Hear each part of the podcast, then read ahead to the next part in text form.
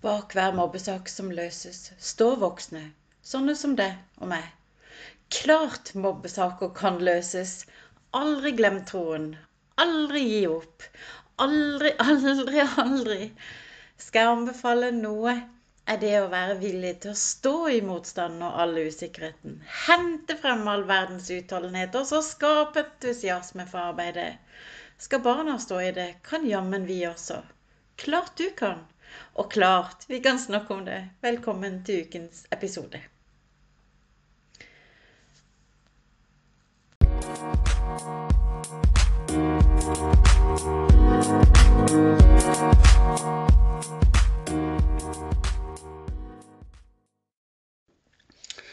Tine Hoff er den første og eneste antimobbeentusiasten i Norge som ser på arbeidet mot mobbing fra alle tenkelige vinkler.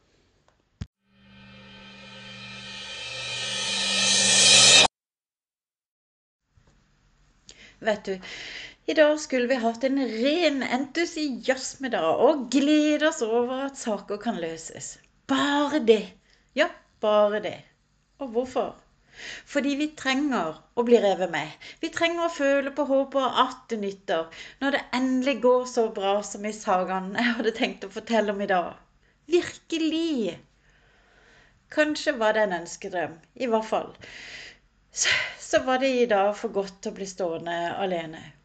Ikke mer enn de gode nyhetene er mottatt.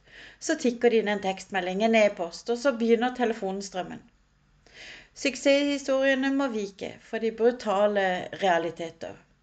I en sak har situasjonen forverra seg. I en står det om et barns liv og helse, og i en ny sak fortelles det om et barn som er håndtert som en kriminell, plassert bak gitter og frakta langt av sted. Som akkurat nå sitter bak stengte dører, uten mobil eller lov til å prate med sine foreldre. Akuttvedtak av barnevernstjenesten Så har jeg at barna har opplevd mobbing, ikke makter skolehverdagen og er i barneskolealder.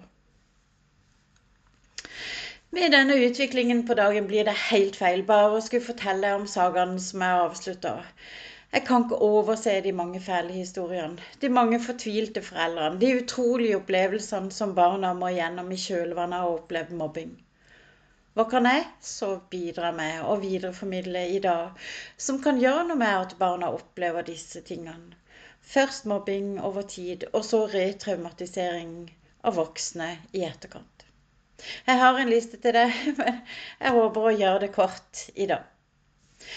For det første, la oss begynne med disse mekanismene som kan få stoppa at mobbesaker blir barnevernssaker. Ja, for mobbesaker, ufrivillig skolefravær og funksjonsreduksjon er alle typiske saker i skolen som ikke har noe i barnevernet å gjøre. Ansvaret må holdes i skolen og utdanningssektoren, tenker jeg. Første stoppmulighet er å få bukt med eller stenge døra for skolens mulighet og feilpraktisering og bekymringsmeldinger til barnevernstjenesten. Løsningen som jeg stadig foreslår, er tre avkrysningsbokser på skjemaet skolen fyller ut. Ett avkrysningsfelt for hvert av områdene. Niårsdag, ufrivillig skolefravær og funksjonsreduksjon. Ja, jeg har tatt med funksjonsreduksjon eh, som et tredje punkt. Eh, og det er rett og slett fordi at jeg hører om altfor mange som dessverre havner innom barnevernskontoret. Helt unødvendig. For vi stopper bekymringsmeldingene i disse sakene, da, så holdes ansvaret i skolen, som jeg sa. Det er jo positivt i seg sjøl. Og heng med meg, da. For da er det jo ikke noe å lure på. Altså, En må løse, løse sakene sjøl. Og det, det, det, kan gjøre noe både med holdningene til saken. Altså, når vi må rydde opp sjøl, og vi vet at det er vi det er hos oss, ja, da da håndterer vi det jo annerledes. Vi må rett og slett eh, lene oss litt framover og ha et annet engasjement. Og da blir ikke det at vi kan skyve ansvaret over på noen andre, og dermed kanskje ikke trenger å, å gjøre så mye. Og så tror jeg en ting til, og det er at det lettere tydeliggjør skolens behov for støtte og drahjelp, både i saksbehandlinga, men også da i arbeidet direkte overfor barna, og med klassen og med skolemiljøet generelt. Det beste av alt, da, det er jo dette med at du stenger muligheten for ansvarsfraskrivelse. Det er jo også da at den lukker muligheten for barns retraumatisering ved hendelser som akuttvedtak, omsorgsoverdragelser osv. i kjølvannet av f.eks. mobbing. Vi må dit, ikke sant? Vi må dit for barna. For uansett hva, er det noe barna ikke fortjener i kjølvannet av å oppleve mobbing, så er det vel å miste det. Ja, kanskje det mest trygge de har, nemlig familien sin. Og så, for det andre, da, så må vi ta tak i helsesituasjonen til barna. Her må både det til en vekting, tenker jeg da, hva som er viktigst. Og når hva er viktigst? Altså når er skole viktigst, når er helse viktigst? Og dette må på plass. En langt bedre automatikk i helsehjelpen. Jeg er klar over at det kan bli utfordrende å løse sånn bemanningsmessig, men disse barna må prioriteres. De må få hjelp så tidlig som mulig. Altså så tidlig de bare kan makte det sjøl. Her er jo behovene forskjellige. Noen Barn som jeg møter, de trenger tid før de kan motta behandling. Og hos andre så viser jo ikke helsekonsekvensene seg før det har gått tid. Men dette er jo sånne ting som helse kan. I denne situasjonen, da, altså der helsehjelp trengs, bør helse gis ansvaret for barnet. Kan jo kanskje være en løsning. Det skulle jeg ønske. At eh, helse også kunne påta seg når mobbesaker lukkes, altså når de avsluttes. Fordi altfor mange 9A-saker avsluttes kun delvis oppfylt. Ja, mobbingen kan ha stoppa, men for mange barn oppleves fortsatt ikke at skolen har blitt en trygg plass der det er godt miljø hvor de trives. I stedet opplever mange barn at når saker lukkes, så handler det kun om barnets feil og mangler, og at barnet er det som må endre seg, bare rette seg opp, bli tøffere, holde ut osv. Ok, for det tredje, da. La oss snu fokus litt og snakke om hva vi kan lære av de sagene som dagens episode skulle handle om. I disse sagene så lukkes de nemlig med suksess. Hørte du det? De ble avslutta med suksess. Selv om det er noe som det kan gå lang tid mellom hver gang. Ikke minst fordi jeg sitter jo mest med de langvarige og kompliserte mobbesakene. Og de tar jo ofte tid.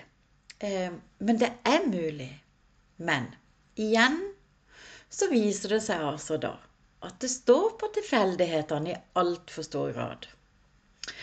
Begge sakene møter rektorer som avviser å ta tak.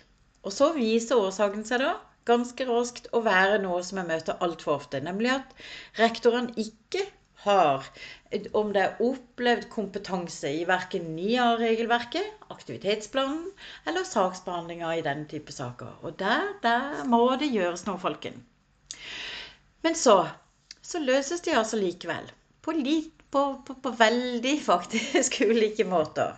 I den ene av disse har det stått på ren faglig opplæring, altså ved bøtte bøtter av støtte og drahjelp. I tillegg til bytte av avdelingsleder og kontaktlærer, som jeg tror kanskje har hatt betydning i denne saken. I den andre saken så løser skolen overhodet ikke saken, men foreldrene på begge sider. En tilfeldig, men særdeles lydhør og viser seg utrolig dyktig, bekjent av den utsattes familie, gjør bruk av ett fenomen som vi snart har glemt nemlig samtalens effekt mellom foreldre. Her har altså lirking i kulissene kanskje vært den største hjelpen. Mobbesaker går altså an å løse, selv etter gamle metoden. Du vet, der en, en fortsatt prater sammen, og på tvers. Der personvernet ikke står i veien for å gi de voksne sjansen til å få vite, forløse og følge opp sine håpefulle seg imellom. Nei, mobbing skal aldri håndteres som konflikt, for all del. Men ytterpunktet der ingen skal kunne snakke sammen, sånn som vi kjører det i dag i mobbesaker, der ingen foreldre gis sjansen til å ta, ta tak, kan fort eskalere både saksomfang og barnets helsekonsekvenser. Vi må ikke glemme det heller. Poenget i dag skulle være å feire den relativt sjeldne tilstanden at skolemiljøsaker løses med positivt resultat for skolene. For foreldre som kan puste letta ut, og for barna som igjen har fått barnelivet sitt mer eller mindre tilbake. De er glade barn igjen. Som en hard kontrast står de andre barnas situasjon. De som ikke makter skolehverdagen igjen. De som står De som står der med fare for liv og helse. Og de som utsettes for ytterligere traumer fordi de blir feilhåndtert. Vi må ikke glemme disse barna heller. Der er sakene overhodet ikke løst, men kan altså altfor ofte ha blitt avslutta i skolen fordi de har havna på barnevernstjenestens kontorpult. Jeg avslutter med noe som stadig gjentas i sosiale medier. Jeg husker det ikke ordrett, så det blir en tiende variant.